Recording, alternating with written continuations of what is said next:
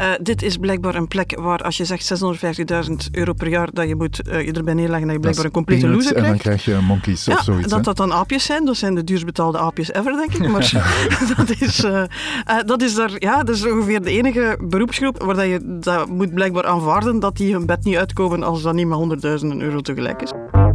Ik ben goed en wel aangekomen in Antwerpen op linkeroever meer bepaald, want daar ligt de redactie van het Nieuwsblad en daar ga ik altijd naartoe om meer te weten te komen over wat er speelt in de coulissen van de macht.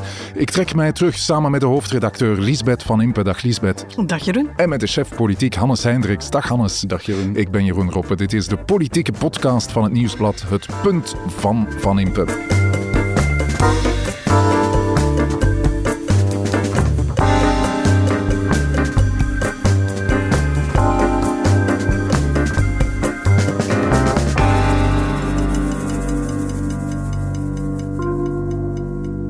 Normaal zorg ik altijd voor de Belgische wijn, maar tegenwoordig komt de Belgische wijn naar ons, Lisbeth. Want ik vind een, dat een ongelooflijke goede evolutie, maar... Een sympathieke luisteraar maakte mij attent op een wijndomein dat ik eigenlijk helemaal niet kende. Oosterluis heet het. Het ligt in Harelbeke, West-Vlaanderen. En ze maken er fantastische mousserende wijn. We kunnen ook zeggen, zeer geschikt voor um, uh, allerlei uh, overwinningen vieren en dergelijke dingen meer, want het heeft er net hier tot aan het plafond gespoten ja, ongeveer. absoluut. Het was uh, redelijk spectaculair. Ja.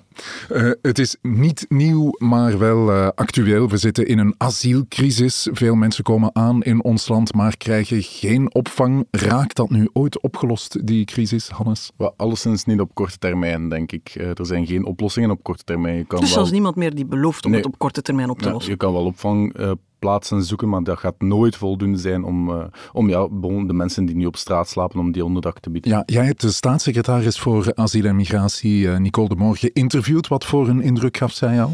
Wel, niet echt gelaten, maar bon, ook zij erkent dat een oplossing op korte termijn niet mogelijk is en verwijst eigenlijk door naar Europa, uh, waar wij als België zijnde in het ja. voorjaar van 2024 wel een rol zullen spelen, naar Europa om die oplossing uh, te zoeken. We hebben het er zo meteen over. Vraag van de week, Lisbeth. Hoeveel verdient de CEO van Bpost?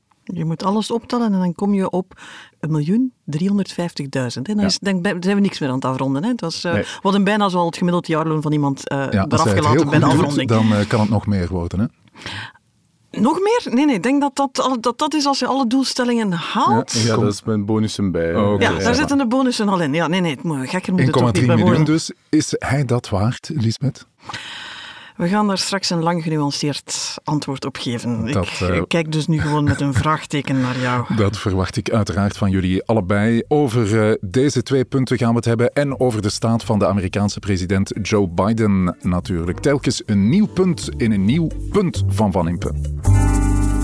Het is niet omdat de Raad van State gaat zeggen dat iedereen moet opgevangen worden, wat ik ook zelf altijd zeg, dat wij plots duizenden plaatsen gaan hebben om dat te doen. Ja. Nicole de Moor, staatssecretaris voor uh, asiel en migratie. In het interview dat ze had met jou, uh, Hannes, jij hebt daar uh, geïnterviewd voor het Nieuwsblad. Intussen is er de uitspraak van de Raad van State en die vernietigt eigenlijk die maatregel, de maatregel van de regering om alleenstaande mannelijke asielzoekers tijdelijk niet op te vangen. Nicole de Moor uh, zal niet onder de indruk zijn hè, van die, uh, van die uitspraak. Wel ja, ze was al niet onder de indruk van de duizenden veroordelingen uh, die, die ze heeft gekregen voor, ja, vanwege het opvangbeleid, omdat we niet in slagen om asielzoekers die recht hebben op bed, bad en brood, om die opvang te geven. Dus ja, in die zin verbaast me ook niet dat ze niet onder de indruk is van de rest van de Raad van State. Ja, dat gaat niks veranderen als in ik het goed feiten hoor. is, dat, is er heel veel over te doen geweest in de Wetstraat, maar op de straat waar die asielzoekers slapen, heeft dat nooit iets uitgemaakt. In de zin van, er waren niet genoeg plaatsen.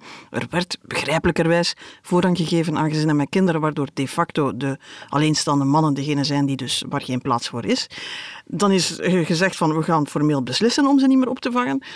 Dat veranderde op zich eigenlijk niks. En nu is gezegd dat, dat, dat je dat niet mag zeggen. En gaan we verder met het niet opvangen van alleenstaande mannen. Dus in de praktijk is er heel weinig veranderd, maar het was een een manier, denk ik ook, een soort van... Ja, je hebt erbij gezeten, hè, een soort van signaal ook van... Jongens, ja, om iedereen met de neus op de, op de feiten te drukken. Hè, van kijk, we staan weer voor een lastige winter waarin we niet iedereen, uh, waarin we geen opvangplaatsen hebben uh, voor iedereen. Dus ook om aan de coalitiepartners duidelijk te maken van kijk, ja, er, er moet wel iets gebeuren. Maar misschien ook om aan de kiezer duidelijk te maken. Ja, we gaan niet alles doen om, ja. Een, ja, wat, wat nu gezegd wordt, het is een onmogelijke belofte. Je, je kan niet gedwongen worden om het onhaalbare te doen. En dus wir schaffen is niet, is intussen ongeveer het de slogan van heel de regering geworden. Hè? Weer schaffen das, dat was Angela Merkel die dat destijds uh, zei. Uh, Petra de Sutter, ook lid van de federale regering, die heeft daar haar uh, eigen versie van. Hè. Zij zegt, ja, waar een wil is, is een weg. Ja, maar het valt tegelijk ook wel op dat Groen en Ecolo nog laten noteren dat ze het niet eens zijn met de eerste aankondiging, dat ze nu waarschijnlijk blij zijn met het feit dat het weer vernietigd is. Uh, maar ze gaan ook niet voluit. Ze hadden de regering half kunnen doen wankelen hè, ja. rond, rond die beslissing. Nee, het is meer, uh, ja, we zijn het hier niet mee eens, ongenoegen. Dan wordt er gezegd, ja, maar ja, het is ja. tijdelijk. En je voelt dat ook daar het eigenlijk niet op de spits gedreven wordt. Er wordt met de handrem opgereden. Ja, het heeft misschien ook een beetje met de slagkracht van de Groenen binnen de regering te maken. Dat zou ook kunnen. Zij zeggen ook van ja, als we niet zouden bij zijn, dan zou het nog erger zijn. Ja. En, en ja. allee, dat is ook een inschatting die daar gemaakt wordt. Maar de facto ja, zetten ze het voortbestaan van de regering niet op het spel ja. en komen zelfs in de buurt van dreigen daarmee. Hannes, Nicole de Moor zegt wij kunnen niet meer asielzoekers opvangen. Mag ik zeggen dat Nicole de Moor niet meer asielzoekers wil opvangen? Wel ja, het klopt wel effectief uh, dat er nog nooit zoveel opvangplaatsen zijn geweest als vandaag. Hè. Er zijn er meer dan 34.000, dat is nog nooit zoveel geweest. Maar je merkt wel bij CD&V, inderdaad ook bij Nicole de Moor, dat ze eigenlijk onderhuids een beetje zeggen, de, de, de, de rek zit er niet meer, allee, de rek is er de rek is eruit. Is de rek is eruit, ja. inderdaad. Je merkt het ook bij de CD&V-burgemeesters, bij NVA-burgemeesters, uh, dat die echt wel zeggen van ja, kijk, we vangen al veel asielzoekers op, hier komt geen nieuw asielcentrum. Uh, ja, je kan het natuurlijk wel Nicole de Moor verwijten dat ze niet uh, genoeg draagvlak creëert bij die burgemeesters om nieuwe opvangcentra te gaan bouwen enzovoort. Um, maar dus, je ziet ook wel hoe, hoe, hoe moeilijk, dat hoe moeilijk het geworden ja, is. is gewoon de laatste dagen. Uh, Molenbeek wordt na heel veel jeremiëren overtuigd om toch weer uh, een aantal plaatsen te voorzien. Meteen buurgemeente Dilbeek die zegt van wij zijn hier niet de vuilbak van Brussel. Dat is eigenlijk te dicht bij onze ja, gemeentegrens. Dat was de burgemeester Willy Segers die dat zei. Die zegt van ja, dit is hier, dat is niet correct. Brussel duwt zijn probleem zo naar, naar de randjes van het gewest en, en, en wij gaan daar de last van hebben. om omgekeerd uh, Benjamin Dalle, de partijgenoot van uh, uh, Nicole de Moor, Vlaams In de Vlaamse minister. regering. Vlaams minister zegt van ik heb hier nog wel wat plekken die we zouden kunnen gebruiken voor noodopvang, tijdelijk. Um, waar meteen Ben Wijts, zijn collega-minister in de Vlaamse regering, zegt van ja, maar ja, we gaan hier hm. toch de federale problemen niet importeren. Iedereen heeft het gevoel dat dat ongenoegen over migratie, dat dat bij heel veel kiezers zo wat onder de waterlijn broebelt. Het is niet dat je daar heel veel uitingen van ziet, maar men gaat ervan uit dat dat een bezorgdheid is bij de kiezer, hoeveel geld dat daar naartoe gaat, hoeveel mensen hier ja. komen, of dat wij nu een aanzuigeffect hebben of niet, dat dat bij heel veel burgers voor bezorgdheid ja. uh, zorgt. En niemand wil het signaal geven dat daar... Ja... ja om misschien een parallel te maken met uh, de opvang van de Oekraïners. En toen was Sami Medi van de CD&V de eerste om hashtag plekje vrij uh, te lanceren. Ik zie het Nicole de Moor uh, op dit moment niet doen. Ik zie het niemand doen, om ja, nee, te zijn. Nee, inderdaad. Ja. Ja, dus ook uh, Nicole de Moor en haar partij CD&V zeggen eigenlijk uh, België zit vol. Ze zegt het op een andere manier. Ze zegt ja, we zitten aan ons plafond. Ja, inderdaad. Ja. En ze verwijst dan eigenlijk naar Europa om een fundamentele oplossing te voorzien. Ze zegt al letterlijk, Europa is de enige die daar met een oplossing kan komen om de buitengrenzen sterker te gaan controleren. Ja. En de verdeling om, binnen Europa. Ja, meer spreiding te voorzien tussen de Europese landen. Maar het is een nieuwe magische formule. We zijn voorzitter van de Europese Unie in, het, in de eerste helft van 24. Uh, loopt netjes samen met de, de, de campagne. Dus dat is een moment om te profileren, om, om ja, je staatsmanschap ja, te etaleren. voorzitterschap, eerste helft van 2024. En in die periode zijn het ook verkiezingen. Ja, en je voelt migratie gaat daar dus een, een belangrijk deel van de agenda zijn. Iedereen heeft trouwens gelijk dat fundamentele oplossingen van dat niveau moeten komen. Hè? Dat je dat als België alleen niet opgelost gaat krijgen. Want het gaat over, ja, wat zijn de regels over hoe we omgaan met mensen die aankomen. Uh, afhankelijk van waar in Europa ze aankomen. We weten dat de Oost-Europese landen liefst de deur helemaal op slot willen doen. We weten dat de Zuid-Europese landen de ervaring hebben dat de deur niet op slot kan, maar iedereen zo rap mogelijk laten doorreizen. En je voelt dat er een alliantie aan ontstaan is tussen de landen die dan eigenlijk de bestemmingslanden worden, waar heel veel van die asielzoekers naar terugtrekken. Nicole de Moor is bezig om ook daar een soort van gesprek uh, op te zetten. Alexander de Croo zou blijkbaar ook bezig zijn met na te denken van kunnen we nog met buurlanden, plekken waar, waar uh, die aan die buitengrenzen liggen, om daar contacten te leggen. Dus je voelt wel, daar willen ze uitpakken met het feit van we zijn dit aan het aanpakken en ja. uh, we gaan het status quo niet verdedigen. Er moet een andere manier komen om ja. met uh, asiel om te gaan. Asiel en migratie wordt uh, het thema dan ook van de verkiezingen, als ik het goed begrijp. en Alexander de Croo en Nicole de Moor willen zich daarop profileren. Ja, inderdaad, je voelt dat. Hè. Alexander de Croo is inderdaad achter de schermen met heel veel regeringsleiders aan, aan het praten. Hij wil daar echt zijn communicatiestrategie op bouwen. Hij heeft ook al met zoveel woorden gezegd. Langs de andere kant hebben we dan ook de groenen inderdaad, die nu wat met de handrem op kritiek geven. Maar ook, ja, eenmaal we dan richting Europa gaan, ja, gaat dat wel tot hoogspanning leiden binnen de federale regering. Want wat gaat onze formele positie als land zijn als Alexander de Croo moet gaan praten met bijvoorbeeld de Tunesische president die vluchtelingen laat omkomen in de woestijn? Iets Express. wat Groen nooit verdedigd krijgt. Hè? Ja, inderdaad. Nooit, ja, hè? ja, dus uh, ja, dat gaat wel ons land voor fundamentele keuzes zetten. En ja, dan ga je Je riskeert dat je daar met een premier zit, met alle spotlights op hem, die voor zijn eigen land eigenlijk geen, geen standpunt kan innemen. Ja. Want zijn eigen uh, coalitie zou er verdeeld kunnen ja. over zijn. Ja, inderdaad. En laten we niet vergeten, in Nederland, niemand had het zien komen, maar daar is de regering gewoon Gevallen. gestruikeld Ja. over uh, asiel en migratie. Dus ook daar voel je bij Rutte wel die inschatting, de premier, uh, minister-president van Nederland, die inschatting van ja, dit is een thema dat, dat leeft en waarop we als partij ook wel kunnen kapitaliseren. Ik denk dat ik een eerste punt eh, gehoord heb. De over eh, extra opvang is eigenlijk nog maar een eh, voorproefje van wat ons te wachten staat. In volle campagne wordt dit een pijnlijk punt voor de coalitie, waar de, de meningen uiteen liggen en waar het moeilijk wordt voor iedereen om wat de regering nog kan doen en wil doen om dat verdedigd te krijgen. Het punt van Van Impe.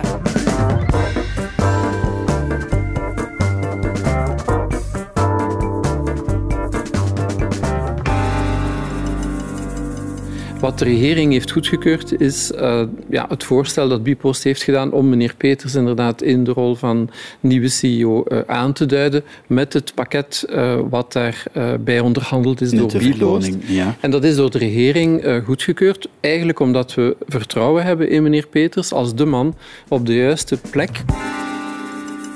Minister Petra de Sutter verdedigt de aanstelling van Chris Peters als nieuwe baas van Bpost. Chris Peters, Chris met CH, niet te verwarren. Belangrijk met... dat we dat erbij zeggen, want toen het eerste gerucht rondging, ja, ik, ik kon, kon me ook niet voorstellen dat de hele uh, wedstrijd ging uh, op de banken staan applaudisseren, mocht het Chris Peters met een K geweest zijn. Ja, want dat is uh, de vroegere minister in de federale regering en ook nog minister-president geweest. Hè. Chris, maar het is dus de ander, hè, het is voor alle dus, duidelijkheid. De, de, de andere Chris CH. Peters is Chris Peters, de mobiliteitsexpert. Die, die, ah, ja, is nee, ja, ja. ja, Chris Peters is een... uh, Ja, conclusie, er zijn te veel Chris Peters in deze wereld. Ik vermoed dat de online redactie weet, Chris Peters, dan moet je goed kijken of hij de juiste foto hebt. Goed, deze Chris Peters met CH verdient dus, uh, als hij het heel goed doet, uh, zo'n 1,3 miljoen euro per jaar. En dat is heel wat meer dan het loonplafond dat ooit werd vastgelegd. Dat ligt op 650.000 uh, euro per jaar.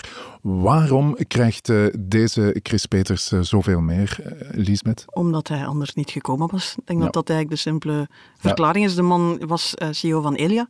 Die Ja. verdiende daar ook heel goed. En die gaat niet naar een, een, een bedrijf dat door zwaar weer gaat, waar behoorlijke uitdagingen zijn, um, om, om maar de helft te verdienen van wat dat hij in zijn oude job verdiende. Dus dat is ook het argument dat gebruikt wordt. Als je Ja. dit soort talent wil aantrekken, dan ja, is dat de fameuze camion boter bij de vis. Ja, dit is dus een topper, als ik het uh, goed door heb. Een, uh, een echt A-profiel. Hè?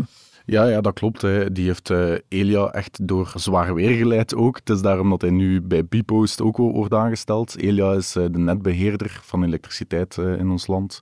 Dus ja, hij, zit daar, hij zat daar sinds 2015, vlak voor eigenlijk ja, de hele groene transitie op volle toer kwam. Dus hij heeft dat allemaal in goede banen geleid. Ook nu bijvoorbeeld met het debat over de verlenging van de kerncentrales. Chris Peters die dat echt mee aan de regeringstafel, ja. hè, samen met Alexander de Croo, Tine van der Straten, Ventilus nog zo'n uh, uh, dossier hoogspanning, uh, de hoogspanningslijn van de mooie, kust. Mooie, Hannes. naar, uh, naar de rest van het land. Um, dat is allemaal ja, Chris Peters die dat op politiek niveau eigenlijk uh, mee bediscussieerd En je voelt als de naam nu valt, dat iedereen zegt van ja, we hadden eigenlijk niet verwacht dat ze met zo'n hoog profiel zouden komen, want ja, Bpost heeft de laatste jaren wel wat CEO's versleten. De een al ja. uh, succesvoller dan de andere. gebruiken.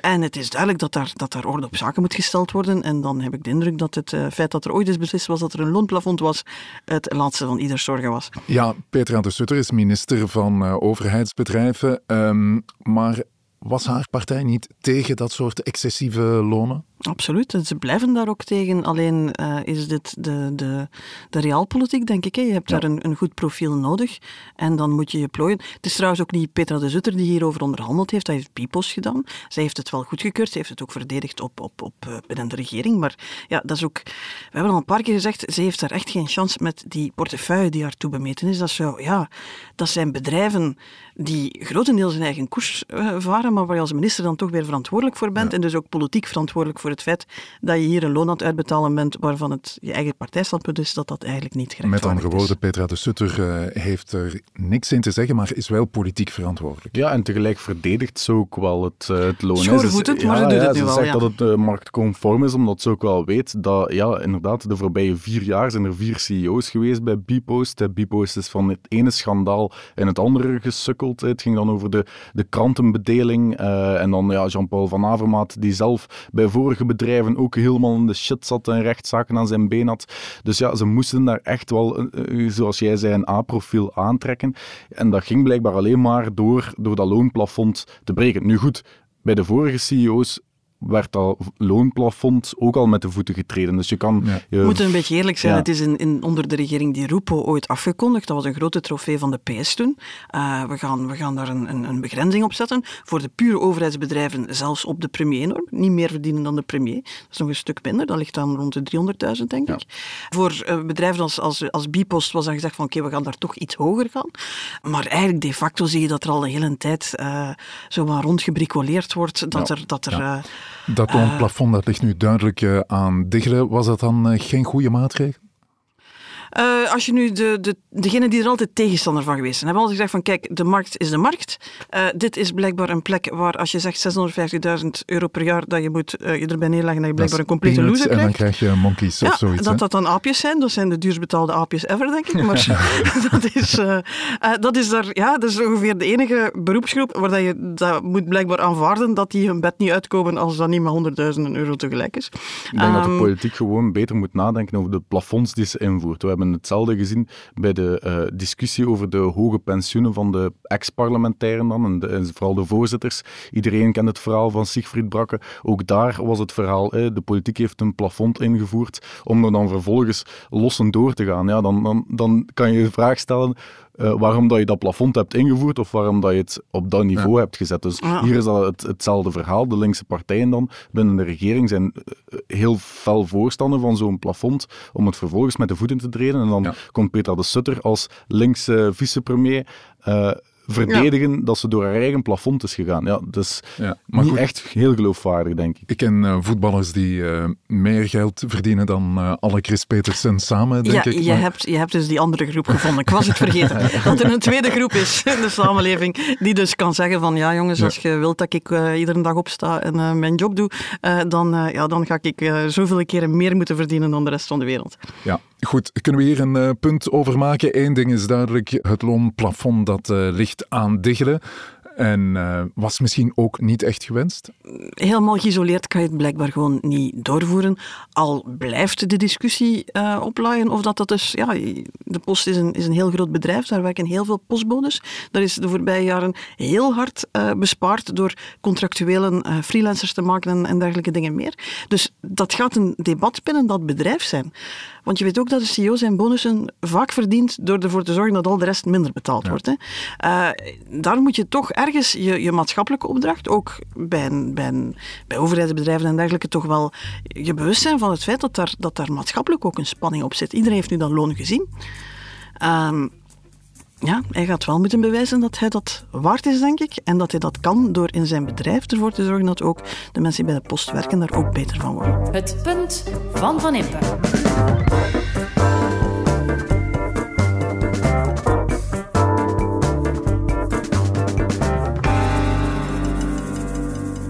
You know, there's that one of my staff members said, remember the famous song, you know, Good Morning Vietnam? Well, good evening Vietnam. The, uh, the, the, uh, the Southern Hemisphere had access to change it, had access. We, it wasn't confrontational at all. You many Thank, thank you, everybody. This ends the Thank- count press thank- conference. Thanks, everyone. Thank you. Een verwarde Amerikaanse president eh, Joe Biden op een persconferentie. Eh, ken jij het liedje Good Morning Vietnam? Ik ken de film, maar het liedje... Nee, het is inderdaad een film en geen liedje uit de Ah, jaren, ja, ja, ja, jaren tuurlijk, ja, 30. sorry. Hij was Mijn- mijn- duidelijk... de, de quizzer in mij stak even de, de, de kop op. Het, hij was duidelijk eh, vermoeid, hè? wat natuurlijk niet zo uitzonderlijk is als je zijn reisschema bekijkt. Maar hoe gênant was dit nu? Het was, eh, het was gênant. Eh, pas op, Joe Biden heeft heel zijn leven momenten gehad dat hij eh, niet heel coherent klonk. Ik bedoel, staat hij daarvoor een bekend. stuk jonger was. Putting your foot in your mouth is de Engelse uitdrukking. De Joe Biden is ongeveer het, het beste voorbeeld Hm. daarvan. Maar ja, hij wordt 81 nog dit jaar. Ehm, hij heeft heel duidelijke zichtbaar is. Lichamelijk is hij vrij fit. Maar ja, het, het is echt een oude man. En als hij aan het spreken gaat, ja, dan, dan het gaat maar door en door en door. En de ironie is dat het nu fout gegaan is, waarschijnlijk. Ze ontkennen het alle talen. Ja. Eh, net omdat hij wilde bewijzen dat hij niet te oud is. Dus hij, het was een buitenlandse trip, de G20 in India, dat is Ja. met heel veel contacten, dat is heel belangrijk. Dan Vietnam, Vietnam voor een Amerikaanse president toch ja, een van die landen waar dat je toch op je woorden let. Ehm, dan in de context van ja, eh, Amerika, China, heel die regio is, is superbelangrijk. Normaal gezien geven ze hem een beetje een lichter schema. Hij mag wat vroeger gaan slapen, ze, ze steken dan niet te vol met meetings en noem maar op. En het gerucht ging nu dat ze deze keer dachten van ja, we gaan naar die campagne volgend jaar, die leeftijd wordt een thema, dus we gaan eens tonen dat hij op het wereldtoneel evengoed een jonge springer zou kunnen zijn voor wie geen meeting te veel is. Ja, en toen kwam die persconferentie en ging het licht uit. Hè. Ja, bijzonder eh, gênant. Til jij er zwaar aan, Hannes? Ik eh, leg misschien nog een andere link. Jan Jambon, onze eigen minister-president, is op Mhm. dit moment ook in Vietnam. Dus misschien heeft dat er ook wel iets mee Jij te denkt dat maken. het besmettelijk is. Zo. Je kijkt al dat hij zou de zeggen, ken jij, persconferentie. ken, ken jij dinges? Joe moet gewoon dinges zeggen. Ze zeggen dan wel wat dat is. Eh, Maar het is toch duidelijk, hè, want mensen beginnen zich vragen te stellen bij de leeftijd eh, van de president van de Verenigde Staten. Is hij niet te we zeggen oud? de machtigste man ter wereld. Ik bedoel, ja, dat kan je moeilijk rijmen met, met een oude bompa die een beetje de draad van zijn verhaal kwijt is natuurlijk. Ja, maar kan zo iemand nog voor een tweede termijn gaan, vind hij gaat het eh, doen, maar er was toevallig eh, dit weekend een peiling in, in de VS, ik denk, denk Wall Street Journal, eh, waarin drie vierde van de Amerikanen aangeven dat ze Biden eigenlijk te oud vinden voor nog eens een, een nieuw rondje. Zelfs een meerderheid bij de Democraten.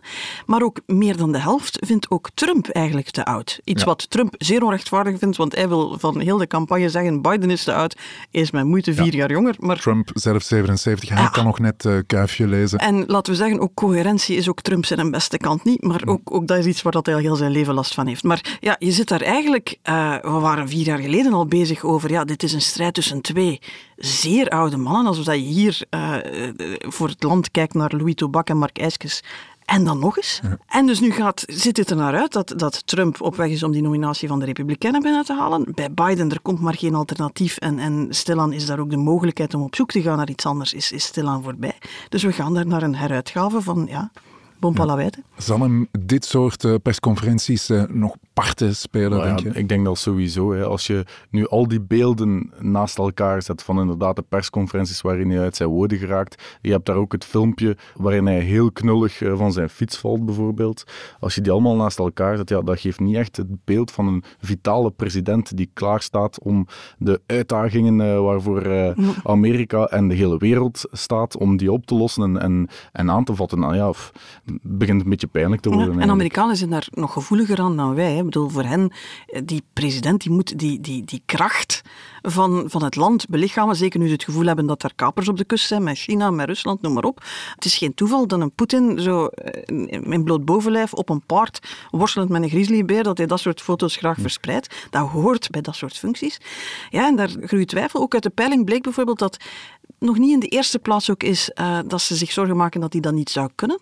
Maar dat ze ook zeggen van ja, wat begrijpt iemand van die leeftijd nog van de uitdagingen die op ons afkomen, de leefwereld van, Ja, van dat de hij de gemiddelde voeling Amerikaan. kwijt is met, eh, Ja. met wat er gebeurt. En dat zijn die presidentskandidaten, maar dat is in de Verenigde Staten evengoed die Senaat, waar, waar ja, heel oude mensen Ja. zitten die dan zo, Mitch McConnell die dan zo bevriest en het even helemaal kwijt is.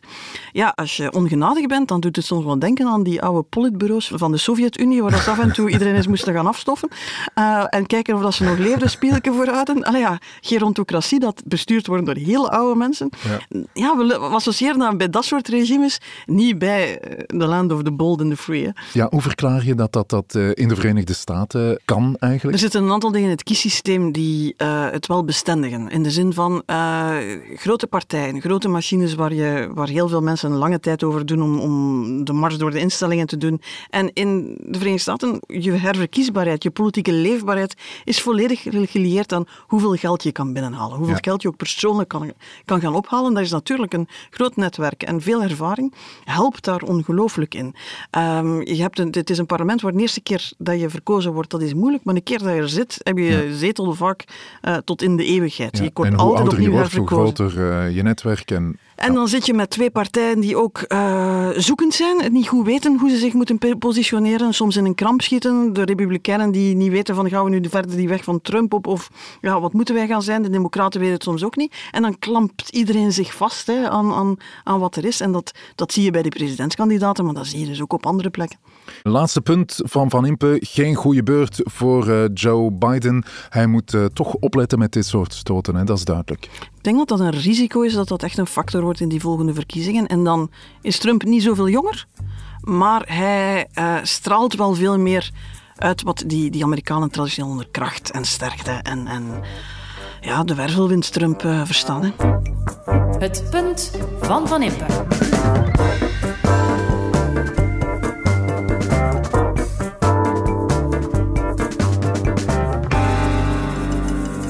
Oké, de drie punten zijn gemaakt. Dat is eh, genoeg voor mij. De rest van de redactie krijgt ook nog een glas van deze Oosterluis uit... eh, hoe is het? Oosterluis, Ja, uit ja. Harebeke. Wijn gemaakt door Dieter en Peter Vinken. Ik vond die zo lekker dat ik graag meer van die Oosterluis wou inslaan. Maar dat gaat niet, want de wijn is niet te koop. Ze zorgen er elk jaar voor dat er een, een bepaald, een beperkt aantal flessen eigenlijk wordt gemaakt. En die drinken de broers Vinken dan gewoon zelf, denk ik. Of eh, schenken ze op hun eh, Dus wij bedrijf. zitten iedereen hier zo'n beetje lekker te maken met iets wat... Oké. Ja, dat is trouwens een, eh, een heel bekend energiebedrijf dat eh biomassa-centrales maakt. Dus ze zorgen voor groene energie en voor uitstekende wijn. Ik ben ermee weg tot het volgende punt van Van Impe. Dit was het punt van Van Impe, een podcast van het Nieuwsblad. Je hoorde de stemmen van de hoofdredacteur Lisbeth Van Impe en van Hannes Hendricks, de chef politiek, en van mezelf, Jeroen Roppe. Dank aan de VRT voor de audioquotes, aan Pieter Schrevers voor de muziek en aan Pieter Santens van House of Media voor de montage. De productie was in handen van Bert Heijvaart. Tot het volgende punt van Van Impe.